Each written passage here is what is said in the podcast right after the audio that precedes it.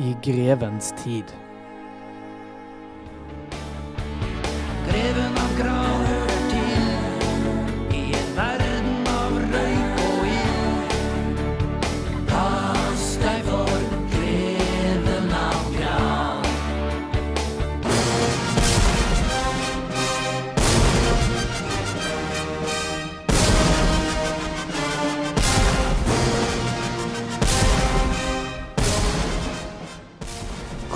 Formiddag, og hvis du har skrudd på Studentradioen i Bergen, så vet du hva du får her nå. Klokken er tolv, det er tirsdag. Selv om det er påske, så er vi tilbake i studio til vanlig tid. Du hører selvfølgelig på I grevens tid. Jeg heter Katte Falsen Brekke, og med meg har jeg Anders Hallo. og Fredrik. Hei. Og Fredrik, vi Ja. begynner med deg. Eh, hva Mm. er det vi skal ha om i dag? I dag skal vi ha noe så gøy som begreper i historien. Yes! Hva mener vi med det, Anders? Da mener vi de eh, begrepene som blir slengt rundt av eh, folk som er over gjennomsnittlig eh, historieinteresserte. Og jeg tror vi skal prøve å forklare litt hva, hva de betyr, hvordan de har utviklet seg, eh, og hvorfor de er viktige, ikke minst. Du kommer sikkert til å kjenne igjen en del av de eh, begrepene som vi har brukt på sendingen her, fordi vi eh, bare forrige uke innså at vi kanskje ikke har forklart disse begrepene tidligere. Men i tillegg til dette så skal vi også ta en tur inn i Fredrik sin bokhylle. Jep. Og vi skal også ha Anno Domini, og det er min tur til å spørre dere ut. Hvilket år det er, det kommer senere i sendingen. Vi skal sette i gang med kanskje det ordet vi har brukt aller mest i sendingen. Vi skal begynne rett og slett med anokronisme. Før det så skal dere få ukens låt her på Studentradioen i Bergen. Det er Marinius med I Like It With You. Du er på Grevens tid på Studentradioen i Bergen. Du hørte Marinius med I Like It With You. Er på Grevens tid på Studentradioen i Bergen. Jeg heter Cato, med meg har jeg Anders. og Fredrik. og vi snakker om begreper, rett og slett. Uh, et begrep uh, som vi bruker i historiefaget, og her i historieprogrammet i Grevens tid så bruker vi ordet anakronisme veldig mye. Først så vil jeg bare beskrive hva, eller forklare hva det etymologisk betyr. Etymologisk er jo ordvitenskapen om det. Uh, det betyr feil tid, uh, eller Mm. mot tid. Eh, ana, fra, fra det samme roten som anti på gresk. uh, og kronos, som er da tid. så det er antitid, altså mot tid. Eh, det er den originale beskrivelsen etymologisk. Men i bruk, Fredrik, Ja. hvordan funker det da? Nei, i historiefaget så bruker vi jo anakronisme som en slags et, eh, et skjellsord, kan jeg jo faktisk si. Eh, hvis du er historiker og får det, dette ordet slengt mot deg, så eh, har du gjort noe virkelig galt. Og det handler rett og slett om at du har, eh, du har anvendt et begrep, eller du har eh, gjort antakelser om eh, forhistorien som ikke var tilfellet. Jeg kan ta et eksempel. Eksempel eh, demokrati. Det blir slengt ut veldig ofte. Du snakker om demokrati i Hellas. Du snakker om demokratiske eh, tendenser i, i vikingtiden. Men dette blir feil, fordi at demokratiet sånn som vi kjenner det i dag, var ikke det samme som det vi prøver å beskrive i vikingtiden og i Hellas.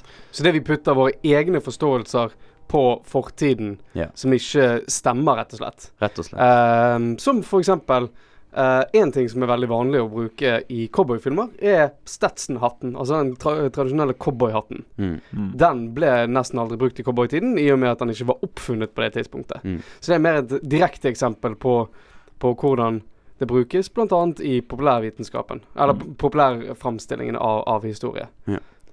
Det er jo for så vidt et veldig godt eksempel på uh, de to, en av de to underkategoriene til anak anakronisme, som er um, eh, parakronisme. Måtte lese notatene mine her. Og det er jo det at, eh, at, um, at eh, noe som ikke tilhører en tid, dukker opp. Og man tenker jo kanskje det at det, hvordan kan det egentlig skje i historieskriving når det skal være, um, skal være på en måte så rent og pult, men, men det gjør det veldig ofte. Sånn som f.eks. I, i de fiksjonelle fram, framstillingene, sånn som på film eller TV, eh, også i bøker. Og ikke bare bøker som vi skriver i dag, men bøker som ble skrevet for lenge, lenge siden. Og problemet med historie er jo det at det er tid mellom eh, ting skjedde, og Mm. historien ble skrevet, som Ja. oftest. Og øh, det andre er jo det som kalles for øh, pro, ehm, prokadisme. som da er at noe dukker opp i feil tid. Prokonisme. Uh, altså. prokronisme, ja. ja. Og det er jo også noe som som, går, som man har sett veldig lenge og går veldig lang tid tilbake. Et veldig godt eksempel på det er jo um, i uh, er jo um, Det siste måltidet, som Michelangelo malte. Hvor eh, Jesus sitter med disiplene sine langs et bord som var totalt uh, ute av sin tid. Som er totalt ute av sin tid. Uh, Vel- derimot veldig i hans egen tid. De satt veldig sjelden og spiste De satt veldig sjelden og spiste generelt i uh, rundt år null. De satt jo på gulvet og Nei, spiste. de, de lå på sofaer. Lå på sofaer, ja. Ja, det det. Ja.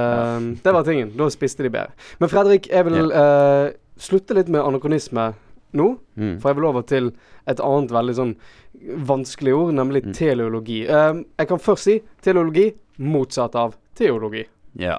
Eh, teleologi handler om at du forklarer en handling ut ifra dets formål. Eh, hvis du forklarer eh, hvorfor du har øyne ut ifra at du må jo se, så har du en teleologisk forklaring på øynenes funksjon, da.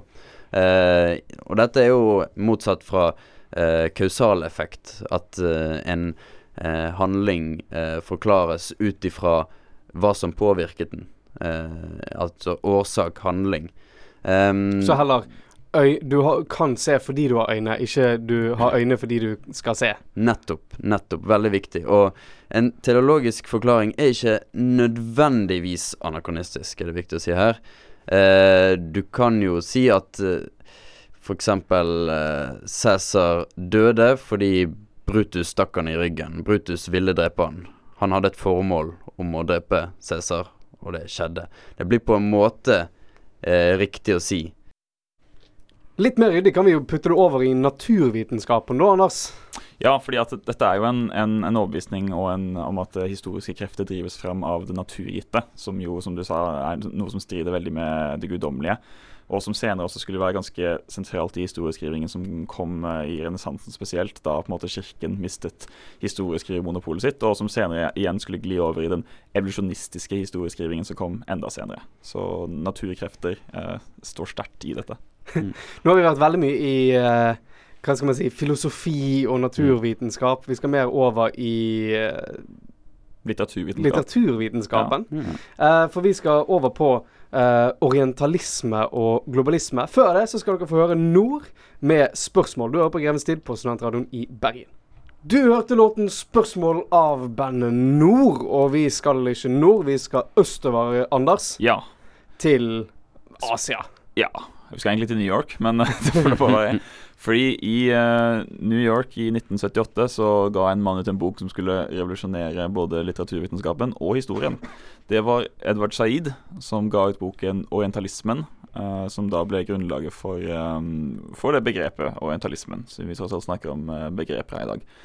Kort fortalt så, så var det Edvard Said hadde gjort, var at han um, hadde Han gikk gjennom utrolig masse bøker, både skjønnlitterære historiske verker, um, reiselivs... Um, reisedagbøker, uh, malerier ikke minst, og fant ut, mente han til slutt, at uh, Vesten i dag, altså i 1978, hadde fortsatt et syn på Østen, altså alt ikke-europeisk, som var omtrent som på 1800-tallet.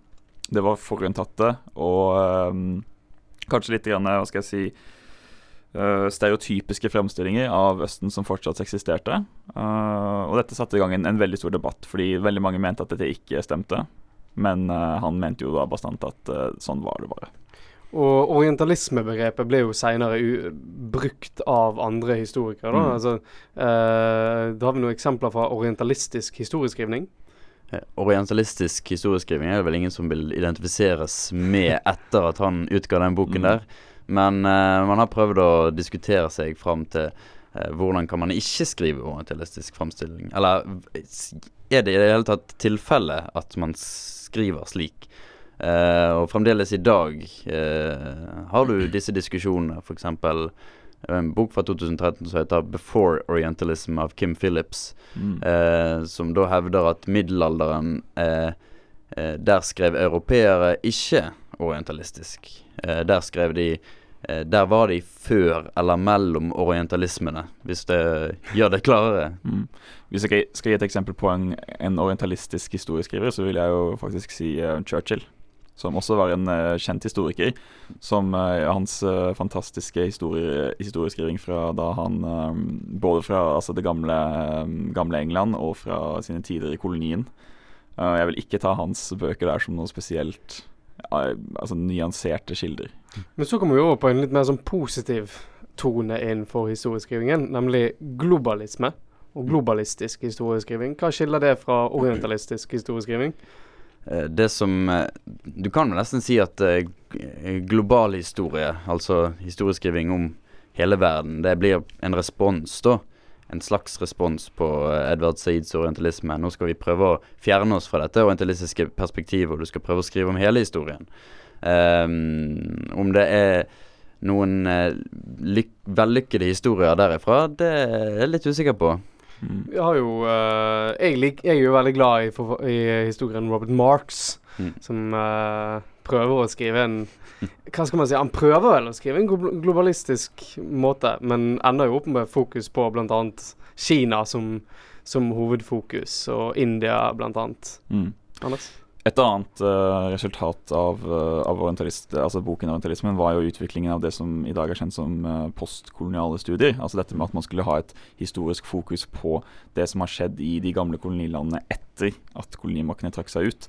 Men, men du nevnte jo Robert Marks her, og, og global historie og verdenshistorie generelt har jo hatt et veldig stort fokus på det at, at det pre Uh, den, den gamle eurosentiske uh, historieskrivingen har hatt et fokus på Europa og det gode Europa har gjort, mens de da har neglisjert og oversett den integreringen som verdenshistorien faktisk har hatt, og det er jo det de har prøvd å fokusere mer på, da. Men fokuset her blir jo alltid industrialismen, føler jeg. Det er alltid industrielle revolusjon. Det er alltid fokus på dette her. Det er Mm. aldri noe annet. Så nå, hvorfor var Europa bedre enn eh, Østen? Er jo det som er spørsmålet i enhver global historisk, eh, historisk framstilling. Fredrik? Det, siden vi snakker om begreper her i dag, så skal jeg da prøve å gi en Det vi snakket om nå, er global historie. Det har vært nevnt litt verdenshistorie, men det finnes et skille her. Verdenshistorie er mye mer landsfokusert. Hvorfor ble Storbritannia så mye bedre enn Kina? Hvorfor utviklet de industrielle revolusjonen? Som du sier, den har vært mye oppmerksomhet rundt. Hvorfor var det Storbritannia det skjedde, og ikke Kina? Mens global historie de prøver å fjerne disse landegrensene og prøver å se jorden fra Spaceship Earth, for å bruke et kjent utsagn om global historie. Og det er liksom litt mer på eh, disse her eh, kulturmøtene enn om eh, hvorfor et land har utmerket seg. Men vi skal se på bl.a. et år som har utmerket seg om ikke så veldig lenge. Vi skal nemlig snart få Anno Domini. Det er jeg som styrer det denne uken. Og for deg der hjemme og for dere to her i studio, så er året 1969 som er Ja. i fokus. Uh, jeg kan si det er veldig mye som skjer dette året. Mm. Og jeg har valgt ut fire ting som jeg forventer at dere skal kunne. Før, Mens dere skal få velge hvem som går først, og få en liten tenkepause, så skal vi få høre MKs Marvelous Medicine med Lady in Red. Du hører på Jevnstid på Studentradioen i Bergen.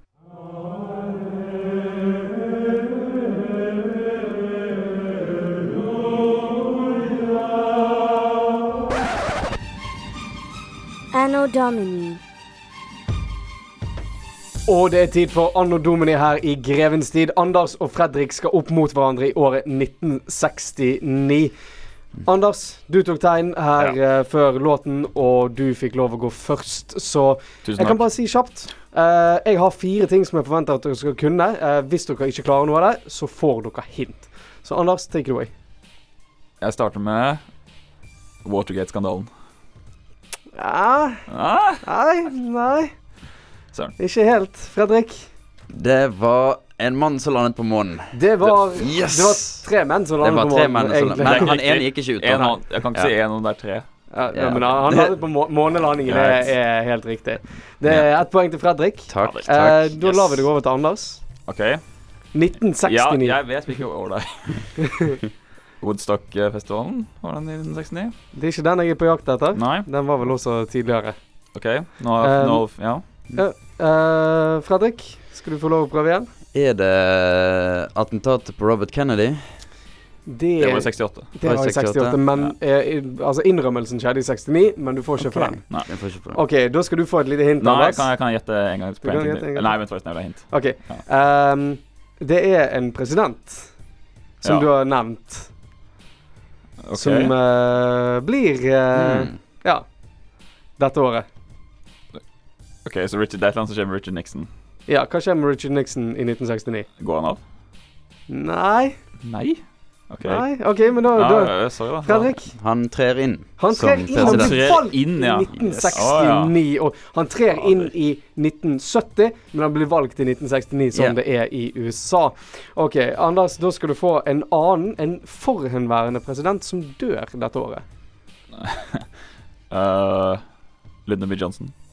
Nei, døde han mens han var president? Er mens han var president. Nei, nei, han døde, nei for det, Lyndon B. Johnson gikk av i 69. Ja, men du sa at uh, En forhenværende president, altså tidligere enn Snakk dette. norsk, da. Hva er tidligere OK, greit. Um, uh, Dwight Eisenhower dør, da. Dwight Yes! Eisenhower dør! Mighty Ike uh, okay. dør. OK, da har jeg faktisk uh, et spørsmål til. Yep. Og dette er et mediespørsmål, Fredrik. OK. Yeah. Mediespørsmål. Um, En veldig kjent mediepersonlighet gjør noe med, med et medium. En veldig kjent eh, Vagt, eh, skal vi se. En veldig kjent mediepersonlighet gjør et eller annet med mediet. medie.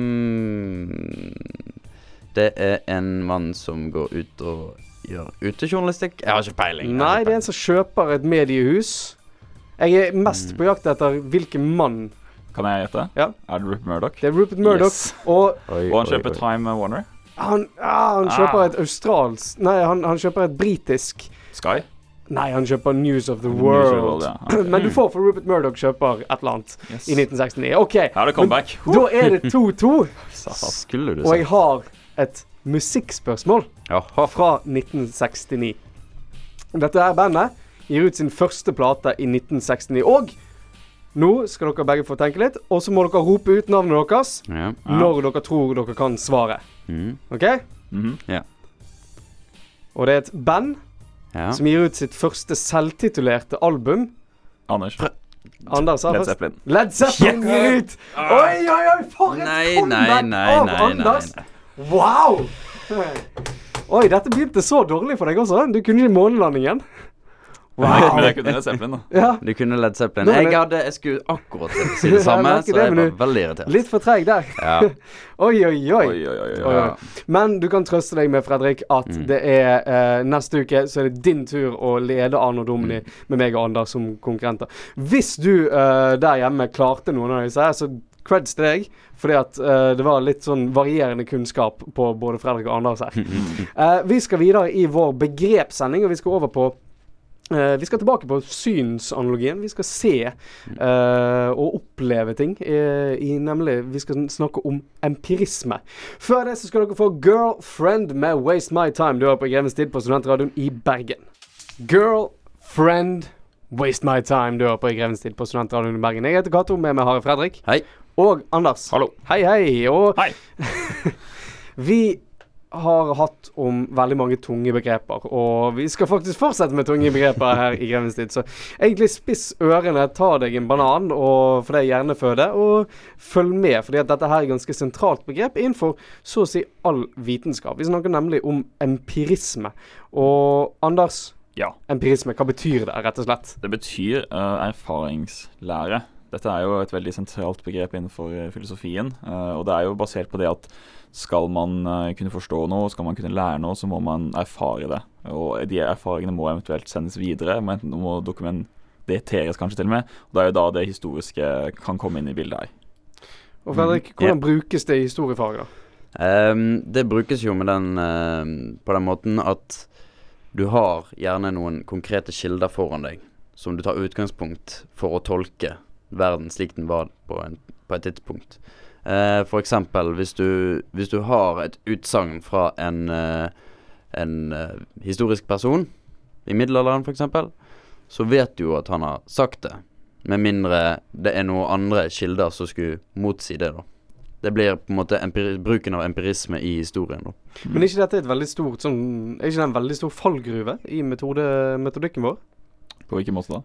At empirisk ob observasjon kan uh, feiltolkes i, for ettertiden? Definitivt. Altså hvis du har en vitneobservasjon, så blir det jo litt annerledes. Hvis det er en som har skrevet ned at han har sett han eller hun har sett en hendelse i fortid. For jeg tror ikke jeg kan stole på hele Bibelen bare fordi de sier at de har sett noe. Nei.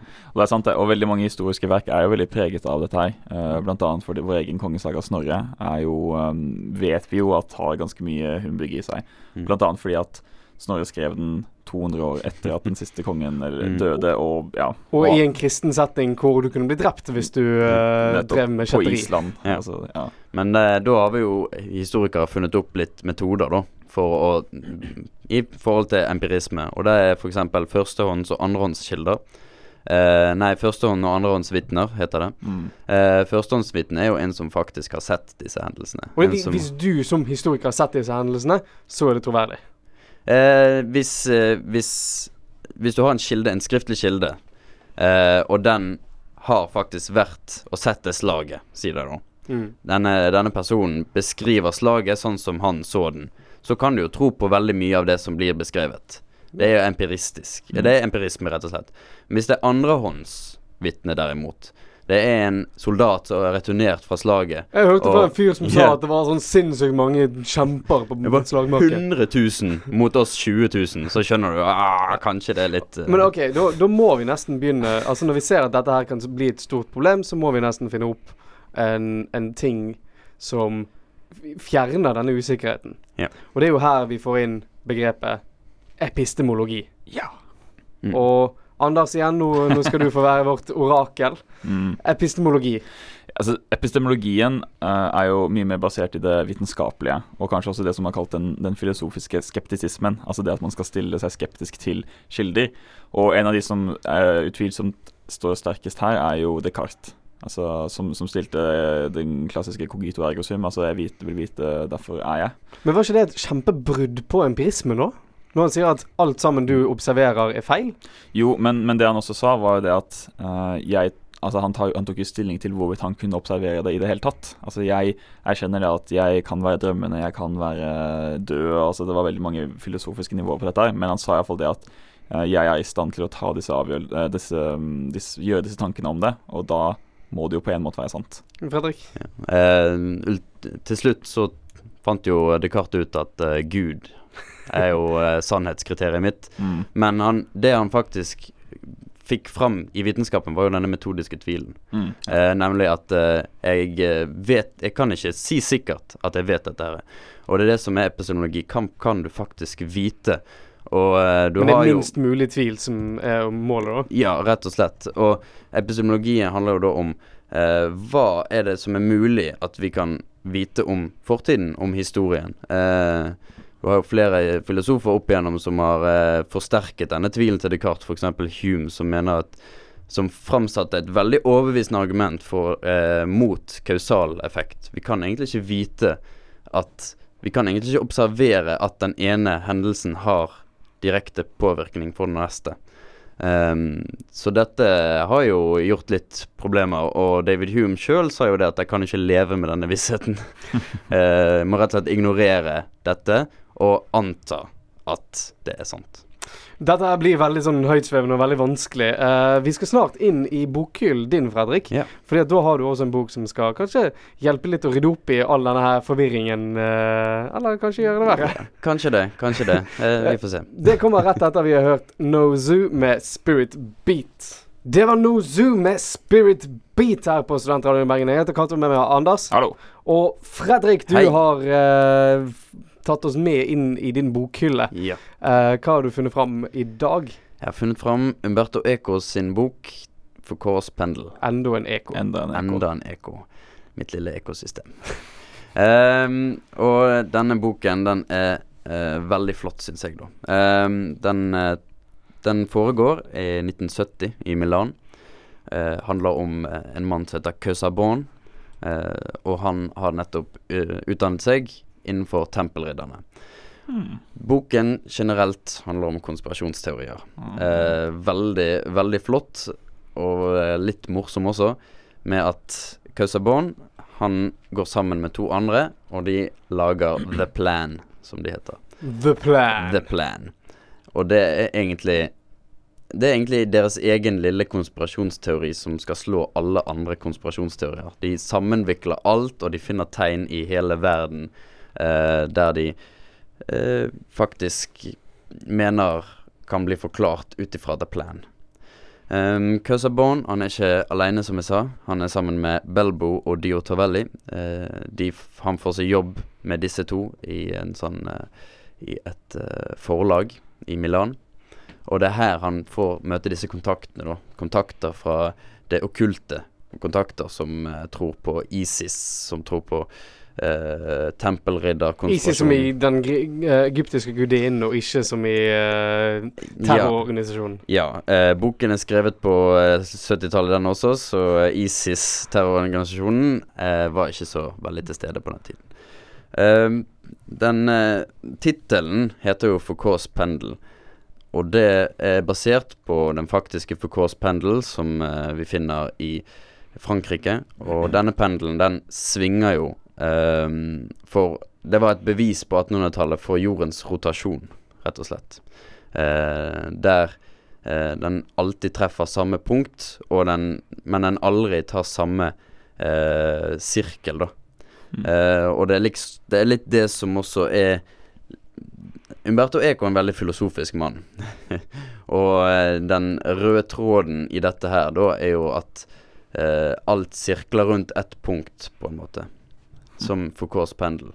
Eh, og det gjelder da også å finne sitt eget midtpunkt, så du ikke blir gal av denne konspirasjonsteorien som de sjøl hadde eh, konstruert. da.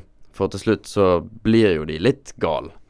Eh, jeg vet ikke om jeg vil avslutte hvordan det ender.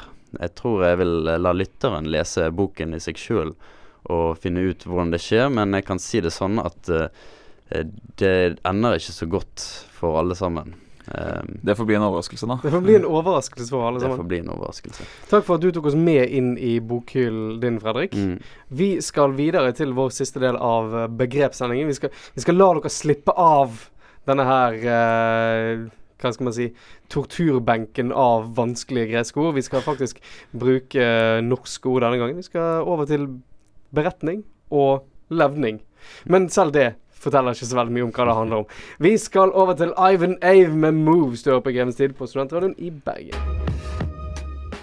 Det var Ivan Ave med 'Moves'. Du hører på Grevens tid på Studentradioen i Bergen. Jeg heter Cato, med meg har jeg Fredrik Hei. og Anders. Hei.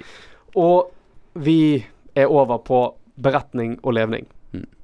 Det er kanskje Det høres kanskje veldig greit ut fordi det er på norsk, men uh, det er fort å, å bli forvirret av dette også. Mm. Så Fredrik, Ja. gi en, klapp, en kjapp beretning på hva eh, kjøttning.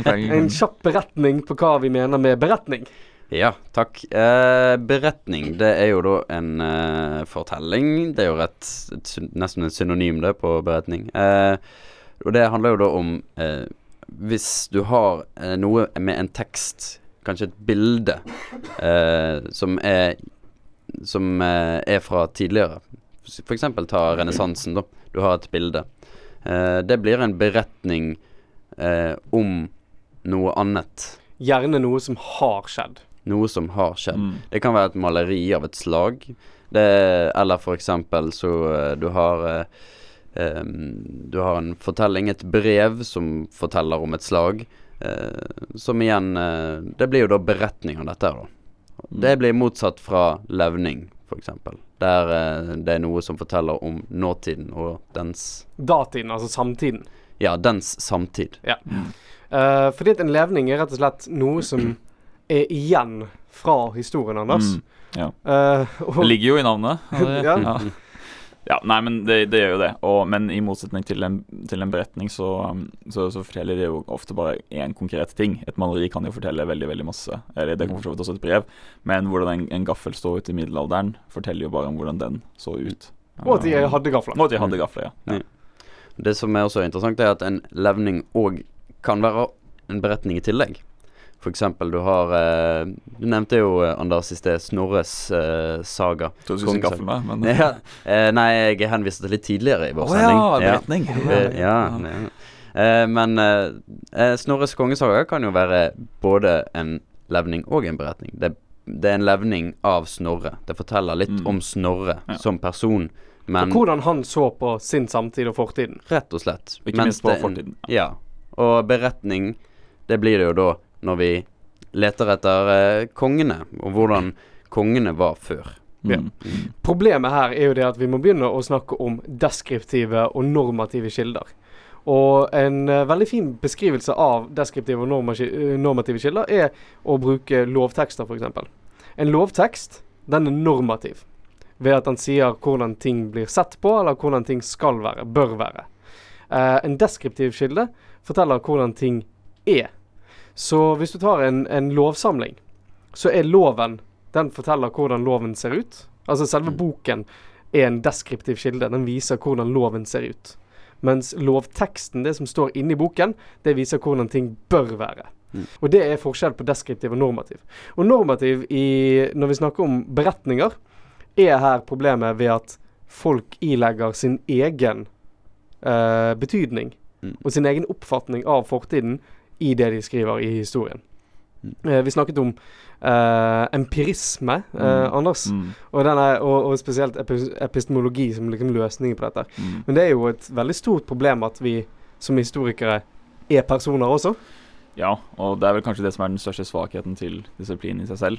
Uh, det, det er jo totalt umulig å være 100% nøytral, både i uh, destriktive eller andre forklaringer, eller hva det måtte Mm. Det er jo det som eh, man også er klar over som historiker, f.eks. At eh, hvis vi har problemer med å være 100 eh, deskriptiv, så kan vi jo ikke si at de i fortiden var det heller. Nei. Og da må vi rett og slett bare akseptere at enkelte nyanser finnes der. Og vi må bare prøve å gjøre det beste ut av det. Mm. Mm. Men hvor ærlig kan en historiker være? Dette er jo, det er jo forskjellige skoler innenfor dette her også. Ja, nå skal ikke jeg begynne å lange ut om hvilke skoler jeg sverger til, men, men jeg, jeg, jeg vil nå Sinnesøvn skole. Korsvoll skole. Barneskolen min. Uh, nei, men jeg, jeg tror nok um, Jeg tror nok uh, Jeg kan, jeg kan, kan ha en liten beretning her. Da Da jeg leverte Mm. bacheloroppgaven min og skulle på muntlig, så, så husker jeg en sensor som sa Du er jo en marxist. Og da skjønte jeg ikke hva han mente med det, men jeg hadde tydeligvis skrevet en veldig marxistisk uh, oppgave. Mm. Uh, det betyr ikke at jeg er kommunist, kan bare si det. Det betyr at jeg har et marxistisk Eller jeg sverger til den historiske materialismen som marxisten gjør. Gjerne, gjerne en evolusjon- evolusjonær Ja, eh, måte. Ja. Men Mm. så har du den historiske skolen, som uh, din veileder eh, er veldig glad i, eh, Ja. Fredrik. Eh, han, han er veldig glad i den historiske skolen, som Mm. mener at det går an å være objektiv i historieskrivingen. Mm. Det mente de. I, I den strenge uh, historiske skolen. Nå er Konservative. Mm. Ja. Rankes skole. Rankes skole den, eh, den gang for lenge siden. Og det, det, det er jo generelt akseptert i dag at du ikke kan være. Du har, eh, det er jo ikke mulig å være objektiv og finne den objektive sannheten om fortiden. Du kan finne, du kan finne levninger. Her er vi, nå finner vi tilbake Vi tilbake til.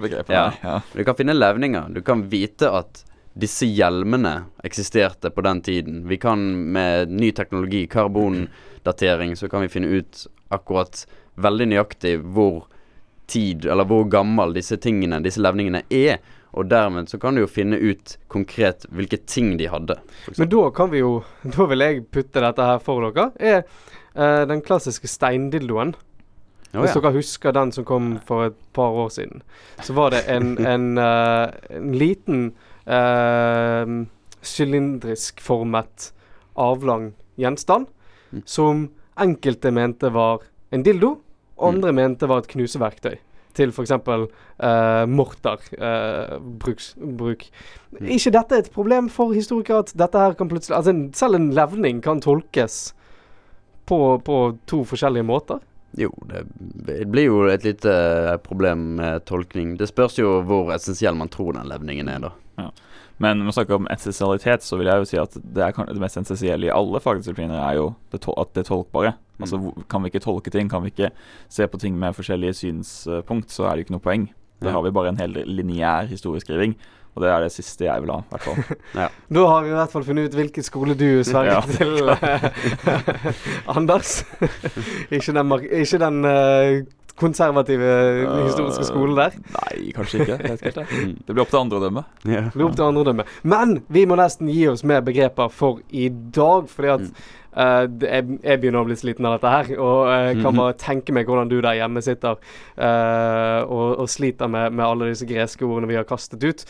Hvis du er interessert i dette her, så anbefaler egentlig å kjøpe noe faglitteratur på, på Akademika. Mm. Fordi at det er egentlig eneste måten man virkelig kan forstå det. Du har også Gripe fortiden av um, Atemu.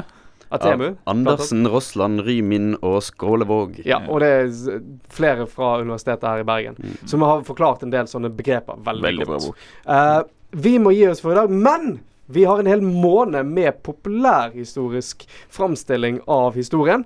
Eh, vi skal allerede begynne på det neste uke. Dette var en litt sånn forberedelse for dette, for vi kommer til å bruke en god del begreper neste uke. Og vi begynner på litteraturen neste uke, så det er veldig veldig viktig å følge med. Følg også med videre akkurat nå, fordi at nå kommer klassisk avsporing inn om et par minutter for å gi deg en hel time med klassisk musikk bare for dine ører. Vi høres igjen om en uke. Jeg må takke for meg. Jeg heter Cato Falsen Brekke. Med meg har jeg hatt Anders Lote. og, Fredrik Rongve. og vi må takke vår eminente produsent Lars. Lars. Solbakken. vi høres igjen om en uke. Ha det bra.